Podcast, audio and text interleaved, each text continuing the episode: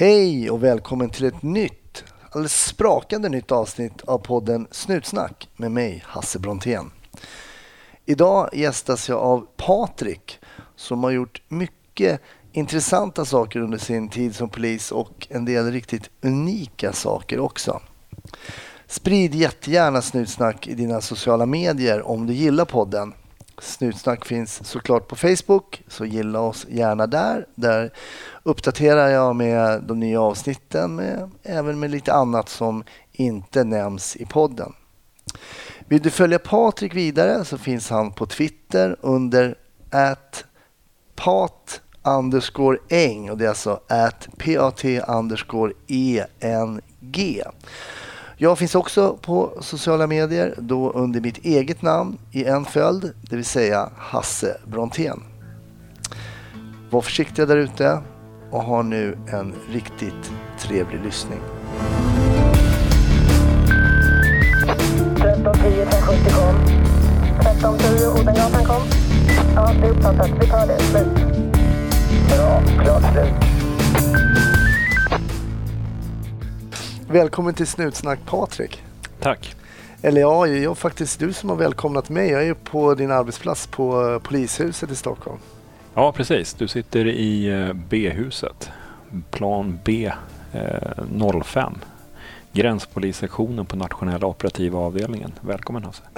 Stort tack. Jag, du frågade mig hur det känns att inte vara betrodd här när jag kom till receptionen. Jag fick snällt lägga in, lägga in min legitimation och var föranmäld av dig. Ja, ah, det är lite konstigt för här kunde man ju komma och gå lite i lokalerna som man vill och hälsa på kollegor på olika rotlar och så, Men nej, det kan jag inte längre. Det känns lite konstigt. Jaha. Eh, jag kom ju tillbaka från utlandstjänstgöring, en längre utlandstjänstgöring eh, 2013.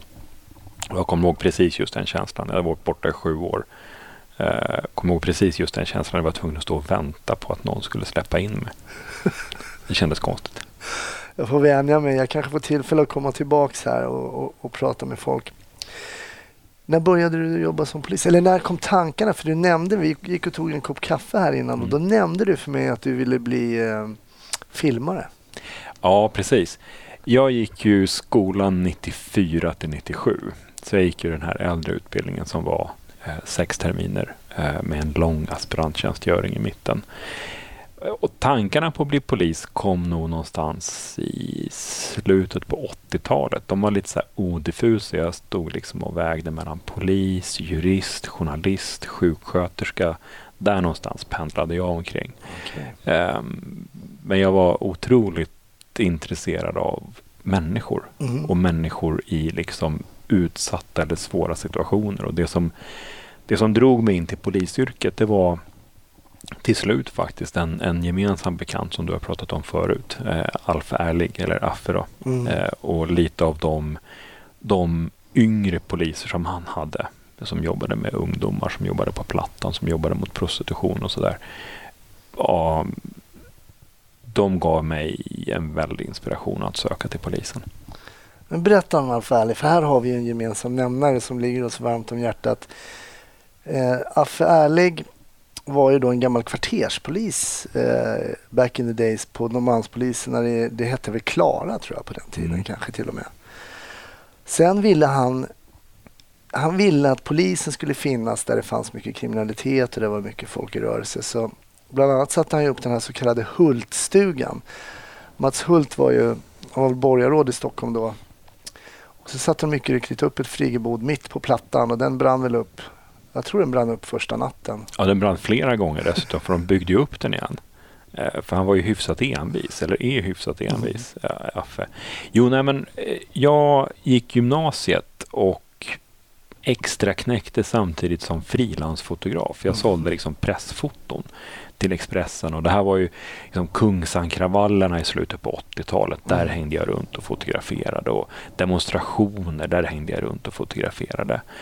Ehm, och det var en demonstration som jag kommer ihåg som, det var en demonstration mot polisvåld. Där man skulle överlämna en gyllene batong till Norrmalmspolisen. Mhm. Ehm, och ehm, det här var ju ett, ett, ett demonstrationståg som hade det var, det var två poliser som gick längst fram, en demonstrationsvakt. Då, och som hade en så otroligt skön humoristisk attityd till hela den här ganska ja, men, liksom arga demonstrationen. Eh, jag kommer ihåg de, demonstrationsvägen gick upp för upp för Götgatspucken och en av de här poliserna sa till någon, någon äldre dam som såg förskräckt ut. Och var inte orolig, sa han. Det är bara det här, den här årets eh, antagna till Polishögskolan som, som demonstrerar. Det, det var en otroligt skön attityd. Ganska avslappnad och avdramatiserande attityd. Mm. Um, och på, på något sätt så fick jag genom de här två uh, fick jag kontakt med Affe Ärlig och liksom ville följa och fotografera lite av verksamheten som han hade då. För att förutom den här Hultstugan så hade han ju två poliser som jobbade med ungdomar som cyklade på stan och liksom mm. jobbade mot ungdomar. Han hade två poliser som jobbade mot eller med prostitution på, på, eh, på inne i city, då, ja, på Malmskillnadsgatan. Mm. Um, och så hade han det som fanns kvar av kvarterspolisverksamheten, de gamla kvarterarna. Uh, jag fick rätt bra kontakt med honom. Jag fick på ett sätt som man nog inte skulle tillåta idag. Liksom fick följa med och fotografera. Mm. Eh, och sen så startade han Hultstugan på Plattan och sen Muttern. Det var ju där jag började. Jag var ja. de, en av de, vi var de första, vi var väl fyra poliser som började där då. Vi sökte från samma turlag mm. på Norrmalm och kom ju ner till Affe då. Det var fantastiskt för han sa så här, ni är mina grabbar. Mm. Jag stöttar er i allt. Eh, och vi förde logg där mm. också, mm. vad vi gjorde. Så vi, vi, gick bara omkring, fotpatrullerade varje dag gjorde mm. jag där i över ett års tid. Nere på Plattan, lärde, lärde mig alla namn på alla. Och jag hade Affe i ryggen hela tiden. Mm. det var väldigt, väldigt kul tid. Jo, jag kommer ihåg liksom, när liksom Hultstugan hade brunnit andra eller tredje gången och det, liksom, ah, det skulle inte funka. Och så fick den här mutterlokalen inne in i, på T-centralen på TC Norra där med liksom i princip panoramafönster ut i hallen. Man mm. kunde ju mm. se precis allt. Mm. Um, och hans entusiasm för att polisen ska finnas där människor är uh, och, och vara synliga. Liksom.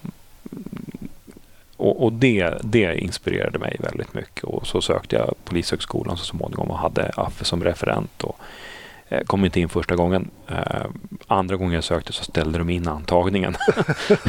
och, ja, och tredje gången jag sökte så då kom jag in. Ja, okay. Så 94, augusti 94 började skolan. Ja, och det var på Sörentorp då antar jag? Ja, då, var, då fanns det bara Sörentorp. Precis. Så att uh, det var den, den, gamla utbildningen. Grundkurs 1, ett år, 18 månaders uh, tjänstgöring i Södertörn var jag. Mm. Och sen grundkurs 2.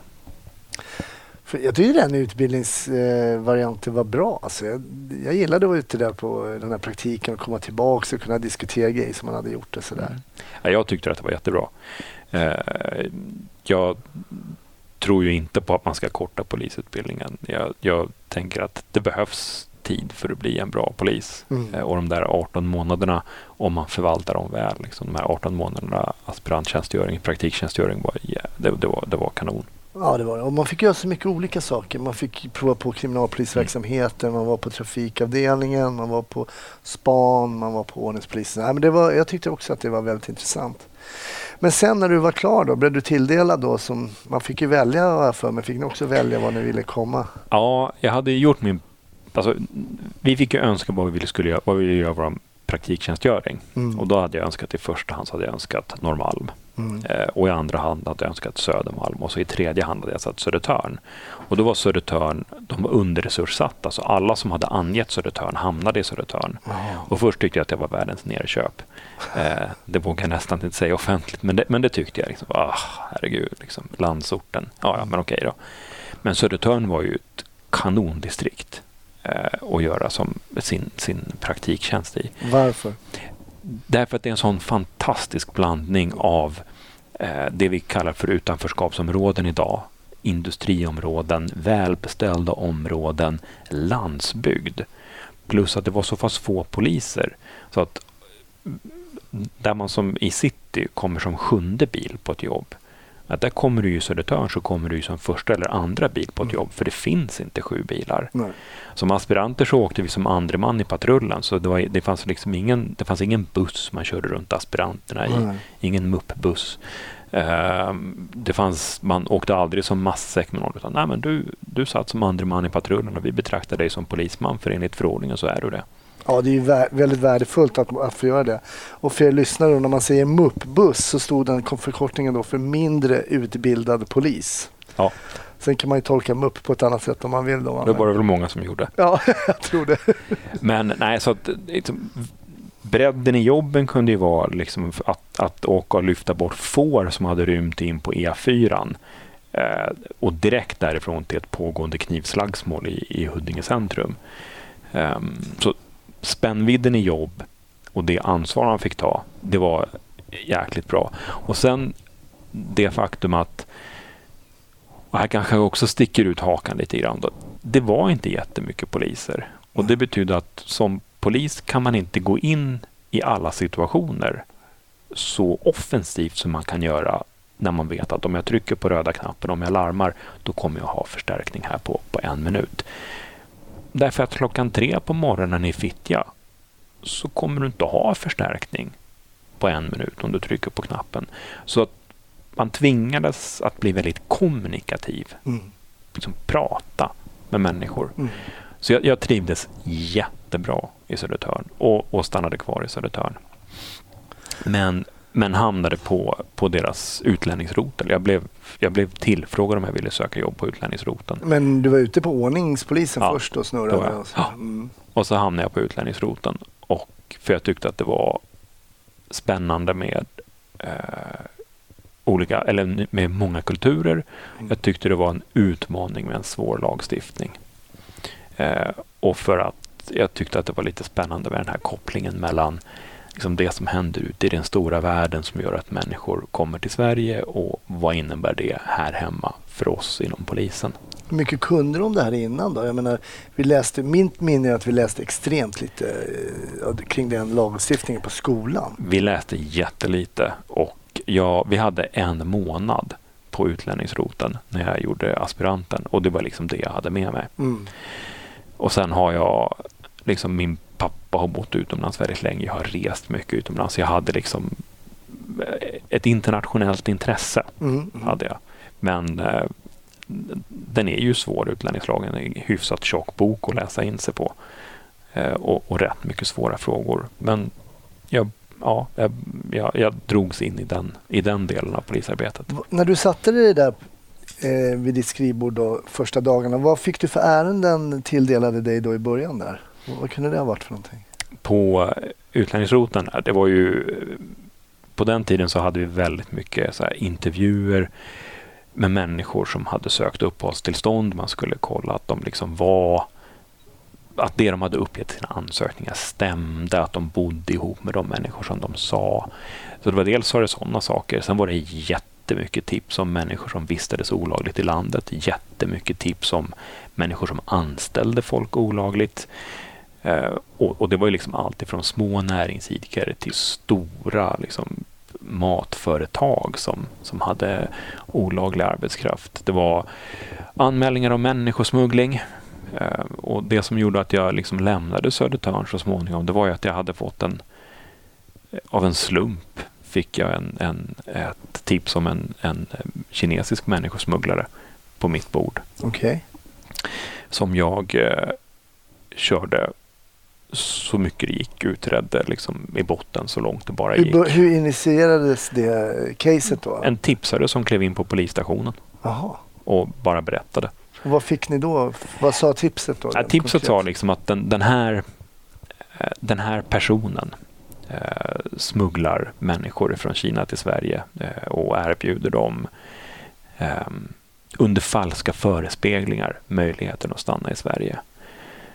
Eh, och det var, ett, ja, var lite halvdiffust tips, men jag tog kontakt med eh, he, jag tog kontakt med vår ambassad i Peking faktiskt. Okej. Eh, och, och det här var jättelänge sedan och det är preskriberat och, och man skulle säkert ha gått någon annan väg via Interpol eller Rikskrim eller något sånt där. Men, men det gjorde inte jag utan Nej. det var mer sådär att ja, men jag ringer väl upp Ja, ja. Och då visade det sig att, att eh, ambassaden i Peking kände till det här. Att de hade fått en massa tips som de hade skickat till polisen som ingen hade gjort någonting med. Okej. Så jag gick och pratade med min chef och hon var, hon var otroligt driven och sa ja men eh, det här låter spännande och det här kör vi på. Eh, Så det gjorde jag. Och vad hände? Ja, vi fick tag på honom. Det gick inte riktigt att göra någonting åt det straffrättsligt så småningom men hans eh, tillstånd i Sverige blev återkallat och han blev utvisad. Och vi, så att säga, vi, vi bröt ner hans verksamhet men utan att någon blev åtalad. Eh, och det där gjorde så småningom att jag 99 blev inrekryterad till kriminalunderrättelsetjänsten på Rikskrim för att syssla med östasiatisk organiserad brottslighet. Jag var så intresserad av det här medan jag höll på så jag läste, på kväll, jag läste en eh, östasiatisk politik på universitetet samtidigt Okej. som jag jobbade. Jag tyckte det var återigen den här spännande kopplingen mellan det som är internationellt och det som händer här hemma. Just det. Det är liksom det globala och det lokala. Då ligger vi lite i Balkankrigsåren här va? Ska vi tänka här nu? Mm. 99, 1 april 99 började jag på Rikskrim på Mm. Kuten. Eh, så det var Balkankrig. Eh, det var eh, precis Ja, det var, det, var, det, var, det var ju stökigt i vårt närområde. Hur var det att gå från Södertörn då, polisområde och gå upp på Rikskrim? Och för det första, hur var det att bli headhuntad där? Så var du lite Ja, den headhuntingen var ganska läskig faktiskt. Eh, han har ju gått i pension nu så att jag vågar ju berätta det. Jag hade blivit inbjuden att presentera och prata om det här ärendet på en konferens. Kinesen? Ja, precis. Eh, på en konferens som Rikskrim ordnade, en nationell konferens om människosmuggling och jag var ju så jäkla nervös. Alltså jag var PA med två års erfarenhet, Mm. polisassistent. Eh, Jag hade liksom satt på mig min snyggaste kostym som jag hade grävt fram och liksom, ja, men svidat upp mig så gott jag kunde och liksom bara, eh, hyperventilerade och liksom darrade och presenterade det här. Och, och liksom, jag hade ju inga, så här, met- liksom, inga analysstöd så jag hade gjort mina såna här charts över hur folk hängde ihop det här på overheadplast Ah. med, med liksom med, med för, lite overheadpenna. för tjock penna. Ja, lite för tjock penna liksom. Inga inga så här avancerade I2-charts som man använder på Rikskrim. Eh, Men jag, liksom, jag överlevde det där. Jag presenterade. ehm, jag gick in på herrtoaletten på det här konferenshotellet och liksom bara stod och pustade ut. Och då kliver eh, rotelchefen för Rikskrims utlänningsrotel kliver in. Eh, han är jättelång och har en ganska bullrande röst. Så, där. så spänner han ögonen in med det jag står och pustar ut vid handfatet. Liksom. Så säger han, du har inte sökt jobb på min rotel. Bara, Nej, så jag, det har jag inte. Varför inte det? Nej, för att jag tänker att jag är lite ung i tjänst. tar jag ingen hänsyn till. Och så bara vände han och gick. eh, och så då tänkte jag att, ja men okej då. Jag testar. Jag ser ett tecken. Jag ser ett tecken. eh, och på den vägen vart det. Ja. Så jag sökte ett VIK eh, och fick det. ja. Eh, och, Men Rikskrim så tidigt ändå. ja, jag vet. Det är ju en kometkarriär. Ja, jag vet. Och, och, det, och det där har ju liksom både fördelar och nackdelar. Ja. Ibland kan jag känna att jag är jättelöst grundad i, i liksom den, den lokala och regionala polisverksamheten. Mm. Samtidigt som det var en, en liksom fantastisk utmaning. Det var ju liksom som... Ja, det, det var inte alls vad jag hade tänkt att jag skulle göra när jag började på Polishögskolan. Nej, nej. Ehm, och det var ju liksom en serie av bananskal som ledde dit. Men, men det var en fantastiskt spännande utmaning och jag fick ju verkligen möjlighet att arbeta med just det här kopplingen mellan det globala och det lokala. Som människosmugglingsnätverket i Gaza och Västbanken som använder ett tryckeri i Uppsala för att smuggla människor via Arlanda ner till Södertälje. Liksom hela den kedjan och jobba med det. Ehm, Spännande. Ja, jättespännande och, och jätteannorlunda och, och jättekonstigt ibland. Men jag brukar alltid be mina lyssnare utkristallisera ett ärende som kanske har påverkat lite extra eller som kommer top of mind när någon frågar dig eller sådär. Har du funderat på vad, vilket ärende det skulle kunna vara? Mm, det har jag faktiskt, för jag vet att du brukar ställa den där frågan. Och, och först så har jag liksom tänkt att men, liksom, nej, men jag kan inte komma på något. Tänk Eh, att så tänker alla. Ja, Det är precis som att det liksom slår delete när någon ställer den frågan. Ja, nej, nej, jag har inte varit med om någonting. Och sen började jag tänka på att jag har gjort jättekonstiga saker. Liksom, jagat eh, organiserade brottslingar i, i Kina och i Mellanöstern och sådär. Men vet du, en av de grejerna som jag faktiskt kommer tillbaks till och som jag började tänka på, det var en helt annan grej. Mm. Eh, ett eh, nattpass på ordningen som det hette då, då i Södertörn. Mm. Och det, det är väl kanske vid tretiden på morgonen, det är sommar så det är ljust. Och någon har ringt in till radion och sagt att det är en äldre kvinna som går bredvid. Hon, hon går på, på trafikleden i Tumba. På Okej. utsidan av staketet mot järnvägen. Mm. Så vi åker dit. Och där går mycket riktigt en äldre kvinna, ganska prydligt klädd men barfota. Eh, och är uppenbart förvirrad. Stannar och pratar med henne. Och, och hon är förvirrad. Hon, hon förefaller vara dement. Det är en sån här vacker sommarmorgon. Hon är, hon är liksom klädd som en, en småskolelärarinna på 50-talet. Okej. Vitt hår och sådär. Vad kan det vara för ålder? Alltså? Hon... Ja, hon är, hon är 85-90. Okej. Ja, ja så hon är, hon, hon är riktigt gammal. Men vi lyckas så småningom liksom lyckas vi lirka ur henne var hon bor. Mm. Och vi tänker att vi ska köra hem henne. Eh, och jag vet inte riktigt exakt vad det är, men eh, för vi kommer fram till att hon, ja, hon, hon är förvirrad, men, men vi kan köra hem henne. Men jag, av någon anledning så, så börjar jag titta närmare på hennes huvud. Och sen så tittar jag jättenoga i bakhuvudet på henne. Och så drar jag håret lite åt sidan och då ser jag ett, ett litet hål i huden. Det kommer lite, lite blod och det är en liten blånad runt om. Och då frågar vi om hon har varit uppe och gått på rälsen. Okej. Och det har hon. Och så frågar vi om hon har ramlat. Och det har hon. Och då säger vi, tänker vi att nej, vi kör in henne till sjukhus. För det, hon har förmodligen ramlat baklänges. Hon har slagit i bakhuvudet. Så vi kör in henne till akuten istället. Mm. Och så får vi ett besked. Kort efteråt får vi veta då att, att hon har haft en intrakraniell blödning. Okej. Och blev medvetslös när vi hade kört in henne. Oj. Och då tänker jag så här att ja, men tänk om vi hade kört hem henne istället. Mm. Då hade hon blivit medvetslös hemma Mm. och dött. Mycket troligt, ja. Möjligen. Och, och, och det här är ju inte ett stort case och det är Nej. inte superdramatiskt. Nej. Men det är ju liksom en del av polisvardagen. Just det. Eh, det som är liksom att ta hand om samhället, för det är ju det vi gör. Absolut. Hur, varför tror du att just det här ärendet poppar upp i ditt huvud? För att det är ett sånt här... Jag kom på några andra också, men det här är ett sånt här ärende. Det är, så, det är en sån liten, liten grej som är så lätt att förbise. Och som i, som i det stora hela kanske inte är, hyperdramatiskt. Men för henne och för hennes anhöriga så var det ju skillnad mellan att vi kör hem henne med risk för att hon dör eller att vi ser till att hon kommer till sjukhus. Eh, Jag tror att det var liksom att det var så lite som ändå kunde påverka så mycket. Hur kommer det sig att du tittade på hennes huvud så pass noga som du gjorde? För om det var så litet sår ändå, hur? Jag gjorde lumpen som sjukvårdsplutonchef Ja. i kustartilleriet. Eh, och, och gick som, av någon anledning så gick jag i sjukvårdsmode där och tänkte ah, men om vi nu ska köra MN och det, det var det här att hon gick barfota också. Mm. Eh, och att hon gick precis där hon gick. Var, jag, jag ville bara kolla att hon liksom var att hon var okej. Mm. Och det här visar också, tycker jag, att allt vi har med oss när vi kommer in, nu berättar att du går in i sån eh, sjukvårdsmode, men också du har gjort lumpen, eh, som det du har det i baktanken. Du tänker kanske inte alls att jag är så otroligt välutbildad här, men du har med dig någonting, det här lilla extra.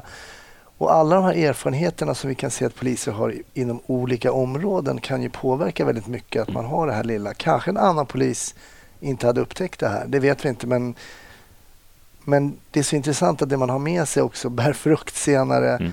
i det polisiära också. Jag tror ju att en av de viktigaste grejerna man kan ha med sig in i polisutbildningen det är ju sin livserfarenhet. Mm. Eh, Jag sökte ju skolan tre gånger och jag är ju, det är ju bra att jag inte kom in första gången. Mm. Då var jag alldeles för ung. Ja, Jag menar fortfarande att jag var för ung när jag kom in. Eh, Att jag hade för lite livserfarenhet. Men sen har man ju byggt på den på, på Mm. sitt sätt ändå. Men jag tror också att man ska ha kanske rest jorden runt och gjort lite saker så, Mm. så kan det vara till ens fördel. Ja, det, det är verkligen ett bra exempel på det lilla, lilla skeendet eh, som får en stor fortsatt konsekvens. Mm. Men då vill jag gå tillbaks till det spännande yrke som du har haft inom polisen. Du är på Rikskrim. Jag vet nämligen här, och det vet inte lyssnarna, men du slutar också som polis. Men du kan väl berätta vad som händer fram till att du tar tjänstledigt? Mm. Jo, jag är på Rikskrim på kriminalunderrättelsetjänsten, jobbar med människosmuggling och människohandel eh, fram egentligen till 2003. Ehm, och då sökte jag en chefstjänst som jag inte fick. Eh, istället så fick jag möjlighet att åka till USA och gå utbildning hos FBI i tre månader. Det som heter FBI National Academy. Och det var ju superspännande. Eh, bo på Quantico och, och träffa jättemycket amerikanska poliser, jättemycket eh, internationella poliser. Jag kom tillbaks till Rikskrim, jag jobbade på staben, jag jobbade med ledningsfrågor.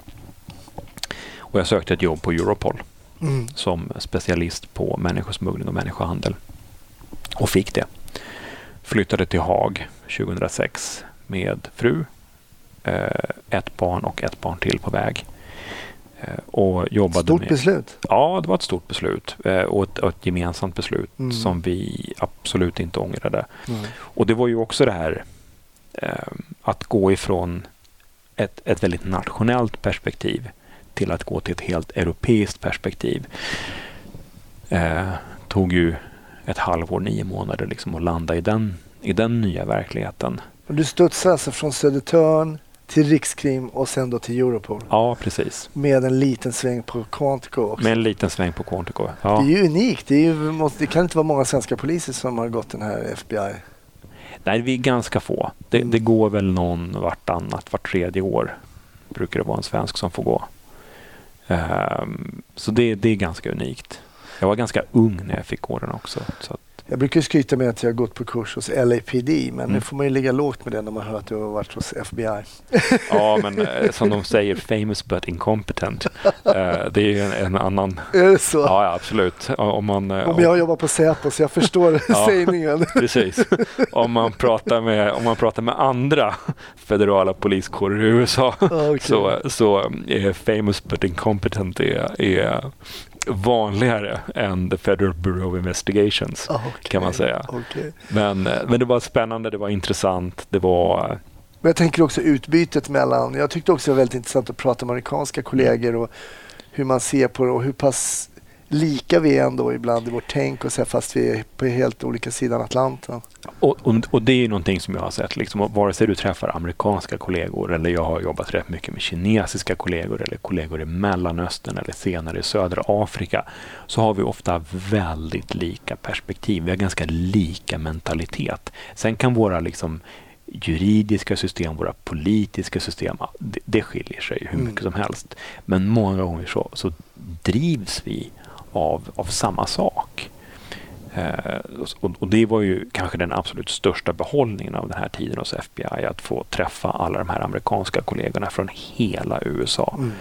Eh, plus alla internationella kollegor Just och få liksom deras olika perspektiv. Så att, eh, men, men så småningom så hamnade jag där i, i Haag på Europols högkvarter och jobbade med Du, du sa att det tog lite tid, och nio månader ungefär att landa. Va, vad var det som gjorde att du behövde den här? Det, det är mest liksom... Jag kunde ju kriminalunderrättelsearbete från Sverige Mm. med liksom ett svenskt perspektiv. Nu landar man i en verksamhet som, som är ett kriminalunderrättelsearbete fast på en helt europeisk nivå. Där när vi tyckte att det var en stor grej att koordinera liksom en insats över tre stycken län Mm. så hade vi en insats som kallades Operation Bagdad som involverade nio länder med samtida, samtidiga tillslag. Ehm, politiken kring allt det där, det var, det var, det var mycket. Mm. Eh, men jättespännande och jättespännande att jobba i en sån internationell organisation. Jag förstår det. Men sen 2009 ungefär så kände jag att eh, jag, jag ville göra någonting annat. Det kändes som att, att eh, liksom allting som kom in på mitt skrivbord, ingenting kändes riktigt nytt, ingenting var riktigt spännande. Mm. Så jag sökte ett jobb som FN hade lyst ut som polisrådgivare för södra Afrika. Då sitter man på FNs, eh, FN-organ som heter United Nations Office on Drugs and Crime, deras regionskontor för södra Afrika som ligger i Pretoria i Sydafrika. Okej. Eh, Så det sökte jag och fick. Och då fick du ta ett snack med familjen igen? Ja, de var ju helt eniga. Ehm, Det var det? Ja, min fru var överlycklig. Eh, så att eh, då i december 2009 så flyttade familjen som då bestod av två vuxna och tre barn Okej. flyttade till Pretoria i eh, Sydafrika. Och där bodde vi fram till mars 2013. Ja. Eh, och där sysslade jag med, jag var ansvarig för allt kan man säga, allt kapacitetsuppbyggnadsarbete. Allt som handlade om att förbättra polisarbetet i 13 länder i södra Afrika. Oj, det låter som en eh, gigantisk uppgift. Ja, det som FN hade hand om, det som liksom, det fanns FN-pengar för att sköta. Men Det kunde, det kunde vara allt ifrån fingeravtryckspulver till polisen i Lesotho till strategiska ledningssystem för polisen i Botswana. Okej. Allt. Kunde du se något generellt problem eller någonting som man behövde jobba med som låg liksom som en, en generellt över de här länderna där man behövde förbättra om du jämförde till exempel med Sverige? Oj. Eh, Ja. ehm, det, där, det här är ju 13 väldigt, väldigt olika länder. Mm. Och då kan man säga att ett land som Lesotho till exempel, där kan man väl säga att ett, ett generellt problem är ju till exempel att deras polisstationer varken har el, vatten eller telefon. Det är ett problem. Det är ett problem.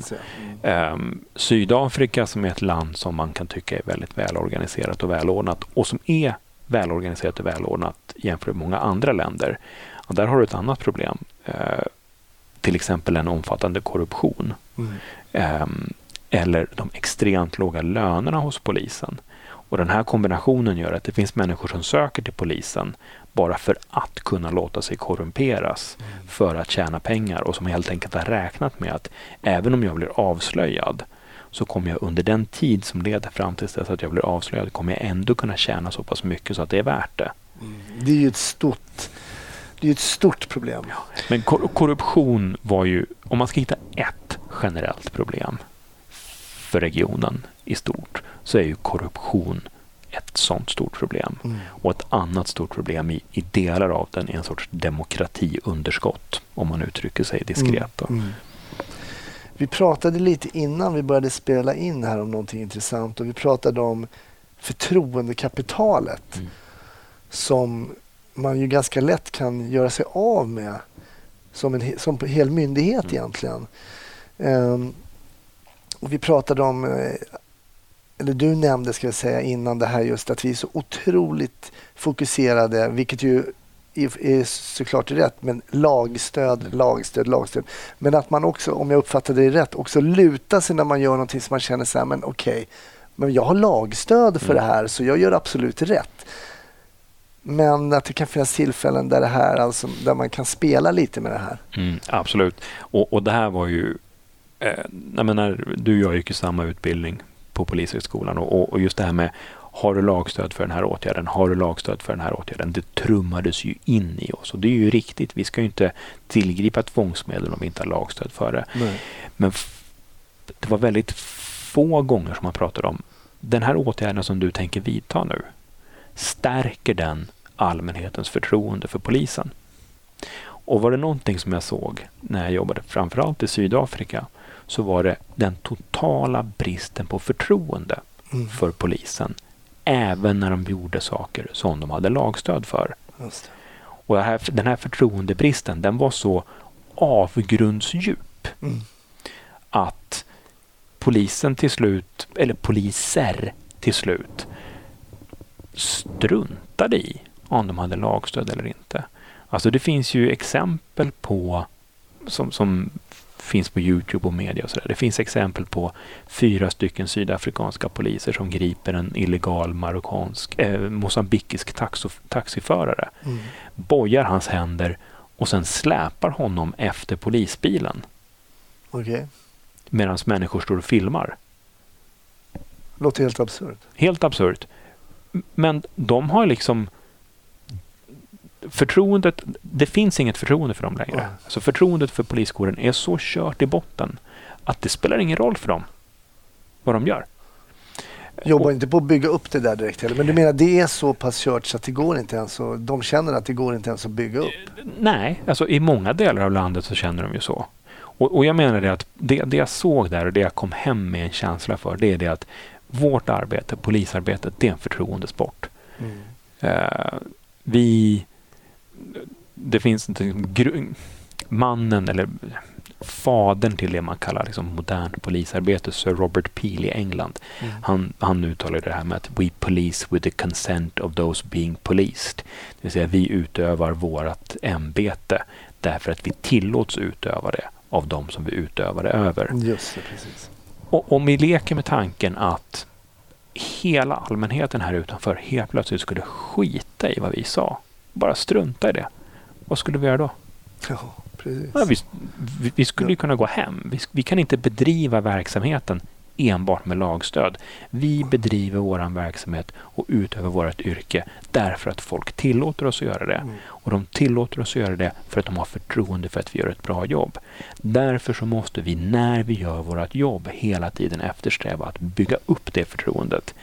Inte gentemot varje enskild människa. Det är väl klart att en massa lobbar som man släpar in eller människor man griper just där och just då inte kommer att känna supermycket förtroende för mig. Nej. Men på det stora hela, i det sätt som vi arbetar och i det sätt som vi uppträder, så måste vi eftersträva att hela tiden höja förtroendet för polisen. Mm. För annars kan vi inte arbeta. Ja, men det är jätteintressant och jag Dels kan jag jämföra när jag själv gick polisskolan, sen jobbade jag som lärare två år på polisskolan också. Att man jobbar med till exempel med det verbala som är oerhört viktigt för en polis. Mm. Att öva, att tala, att prata, att våga gå fram till människor. Jag skulle vilja säga att det finns ett avstånd där man känner när man går fram till någon när man ska liksom så här verkligen eh, vad ska man säga, att närma sig en person mot ens vilja den, så finns det ett avstånd som är lite obehagligt. Jag tror man måste träna på det om man tycker att det är jobbigt. Eh, för jag har jobbat med kollegor som inte vill gå in. Det vi pratar om kanske när du kommer närmare en tre, då Mm. vet någon att vänta nu, någon är på väg. Öva, öva, öva. Förtroende. Jag skulle vilja fråga en annan sak, du som kan utlänningslagen. Något som jag reagerar på efter jag slutade som polis var det här REVA. För mig när jag jobbade som polis, jag jobbade på Plattan mycket. Dels så kom det fram folk som också hörde av sig till dig när du jobbade på utlänningsroten och sa att den här personen pekade på någon, han får inte vara i Sverige till exempel. Och det gjorde man av olika anledningar. Ett, för man ville man ogillade personen, man ville bli av med konkurrens kanske när det gällde narkotikaförsäljning eller någonting liknande. Men många gånger stämde ju då. Gick vi dit så kollade vi. Nej, personen var olagligt, vistades olagligt i landet och sen så körde man upp honom till polishuset och sen hände det någonting. Han åkte iväg eller det visste inte vi poliser då men Mm. vi hade gjort vårt. Det här REVA framställdes ju ibland som om poliser liksom jagade folk. Eh, För mig har det alltid varit någonting naturligt att man stoppar någon och säger man, man griper kanske en person så kollar man ju ID. Om man kollar då om den inte personen till exempel in- är uppenbart inte svensk kollar man om man har rätt att vistas i Mm. landet. Och det tycker jag tillhör eh, decent polisarbete. Självklart ska ju kriminella element eller de som vistas olagligt i vårt land inte vara kvar.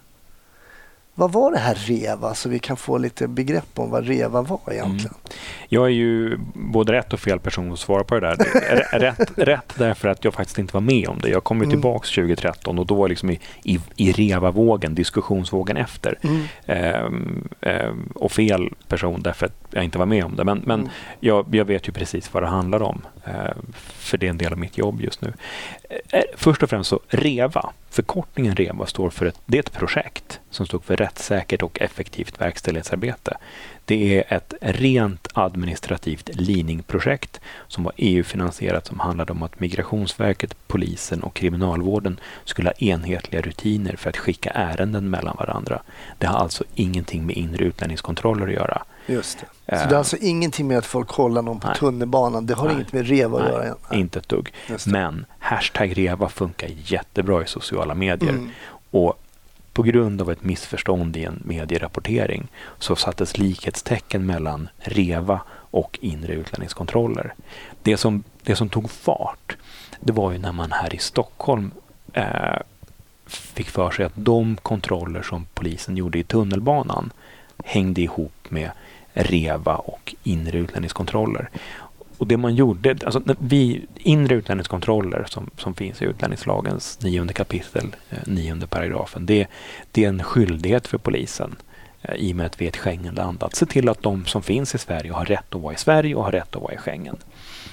De här kontrollerna kan man antingen göra när man har någon polisiär anledning att ingripa mot en person, du griper en person, du gör ett, eh, en fordonsförarkontroll eller något sånt där. Då kan man också kontrollera att personen har rätt att vistas i landet. Eller om det finns en grundad anledning att tro att en person inte finns, har rätt att vistas i landet av, av vilken anledning som helst. Eh, I samband med spärrkontroller i tunnelbanan, det vill säga människor som plankar, som alltså begår ett brott, mm så gör man också en kontroll av om de har rätt att vistas i landet. Och det här framställdes i vissa sammanhang som någon form av klappjakt mm. på människor. Mm. Eh, det framställs som att det här var rent etnisk profilering. Eh, och Polisens föreskrifter om inre utlänningskontroller är väldigt tydliga med att en inre utlänningskontroll får inte huvudsakligen grunda sig på etniska markörer, utseende, namn, språk, liknande saker. Och, och det här tog ju jättefart. Och det blev ju lite grann så här att kollegorna kunde inte jobba i tunnelbanan utan att folk började skrika reva. Vare sig man jagade rånare, hjälpte människor som hade försökt begå självmord eller tog hand om sjukdomsfall så, så började liksom framställdes det då som att det var någon mm. sorts klappjakt på, på människor som saknar rätt att vistas i landet. Och det var ju inte sant. Nej. Och det som var det kanske största problemet, det var att polisledningen inte vara tillräckligt offensiva och gå ut och förklara vad är det vi gör och varför. Utan istället så fick en massa enskilda medarbetare, enskilda kollegor som faktiskt gjorde sitt jobb och som gjorde ett bra jobb. Fick schavottera i, inför allmänheten och i media som att de på dubiösa etniska grunder jagade människor som inte såg pursvenska ut. Mm. Uh, och det här är lite ett problem när vi som myndighet och som chefer i myndigheten blir rädda för att stå upp för det som är polisens uppgift. Vi är en rättsvårdande myndighet. En del av vårt arbete är stödservice. En del av vårt arbete är repression. Mm. Demokratisk repression. Yes. Eh, och det är inte konstigt. Men man måste våga stå upp och förklara det och förklara att det här är inte ett fritt valt arbete. Det här är ingenting polisen gör för att det är ett eget hittepå. Det här är ett uppdrag som lagstiftaren har gett till oss. En sak som jag såg väldigt, väldigt tydligt när jag jobbade i framförallt i södra Afrika. Det är vikten av att man som polismyndighet och som anställd i polismyndigheten inte tror att man kan välja vilka lagar man vill tillämpa. Nej, Utan vi tillämpar all den lagstiftning som gäller oss oavsett vad vi tycker som enskilda individer. Jag tycker som människa att det är jättejobbigt att bära bort ett gråtande barn från gråtande föräldrar därför att vi biträdde socialtjänsten i ett LVU-omhändertagande. Det gör ont i hjärtat. Men det är fortfarande en uppgift som vi måste utföra. Eh, och det är en del av att vara en polis i en demokrati. Att mm. inte själv kunna välja. Och det tyckte jag, jag reagerade på en sak när jag gick utbildningen hos LAPD. Då var det så att då gick vi in 12-stegsprogram. Man skulle, ja det var lite här, titta på en penna och gå på walk the line för att se om folk var mm. berusade och sådär. Sen skrev alltså polismannen då på sin rapport, jag anser att. Mm. I Sverige är helt o, det är helt ointressant vad du som mm. polisman anser eller tror utan du ska bara redovisa mm och redogöra för de fakta som föreligger och sen ta någon annan beslut sen om det mm. finns tillräckligt till exempel för ett anhållande mm. eller något sånt där om vi pratar om gripande. Så det var väldigt intressant för mig att man tänkte, men vadå, det är ingen som har frågat vad jag tycker om är han skyldig eller inte skyldig. Det är inte jag som ska avgöra. Mm. Vi kommer hit och det var blod på, på dörren och så vidare. och Så vidare. Så det skiljer sig lite grann bara man, eh, man kommer över där till USA. Vad händer idag i ditt polisiära arbete? Vad gör du idag Patrik? Idag är jag chef för gränspolissektionen på nationella operativa avdelningen. Um, och, och, det är ju um, ett konstigt jobb. um, men, um, sen, sen flyktingkrisen sommaren 2015 så har ju gränspolisverksamheten varit jättemycket i hetluften och mm. jättemycket i media. Och det har ju påverkat mina medarbetare och mig ganska mycket. V- mitt jobb går i huvudsak ut på att se till att gränspolisverksamheten runt om i Sverige bedrivs på ett enhetligt sätt. Mm. Att, ehm, jag är också ledamot i styrelsen för Frontex, den europeiska gränskontrollmyndigheten, så att jag sitter i deras styrelse. Eh, och, och vi är liksom länken mellan de europeiska kraven på gränskontroll och hur gränskontrollen utövas i Sverige. Ehm, här på sektionen så har vi liksom lika delar kan man säga, strategiskt arbete med rättstolkning och verksamhetsstyrning och liksom riktlinjer och egenoperativt arbete i form av att vi har hand om alla ambassadkontakter. Vi organiserar stora, eh, stora gemensamma återsändande operationer när man chartrar flygplan för att verkställa utvisningsbeslut och, och sådär. Som vi har hört ett exempel på. Daniel berättade när han flög till Afghanistan i tidigare avsnitt och Mm, precis. blev lite stökigt där på Mm. Kabbuls eh, flygplats. Det var eh, en av mina. Ja, det var så ja. Ja. Mm. Men du som då har rört det här mellan olika enheter. Jag är lite nyfiken på vad du gör om fem tio år. Vad gör du då? Ja, men tänk om min chef lyssnar på det här. Nej, men om fem, om fem år så eh, då tror jag att eh, familjen och jag är utomlands igen. Det är så? Ja, så är det nog. Det Eh, internationella lockar. det internationella lockar och jag känner att det är ganska nyttigt att kliva in och ut ur polisen Mm. ibland. Mm. Eh, att skaffa sig liksom utifrån perspektiv eh, och ta med sig tillbaks. Mm. Eh, Så du är välkommen tillbaks alltså. Ja, jag är så. Ja, jag tror att det är bra om du tar med, tar med dig lite utifrån perspektiv och kom tillbaks in. Jag tror absolut att det är jätte, jättebra. Jag tror att många skulle behöva sluta och kanske komma tillbaks. En del kanske, jag är ju ännu inte tillbaks än. Vi får se när jag får en sån här headhunting-kommissarie som hör av sig. Det ska vara någon riktigt intressant Mm. tjänst i sådana fall. Patrik, stort tack för intressant insyn hos avdelningar eh, inom polisen som många inte känner till. Eh, Det var jättekul att få komma och hälsa på det här på ditt kontor. Ja, du är välkommen. Tack för att du kom. Tack så jättemycket.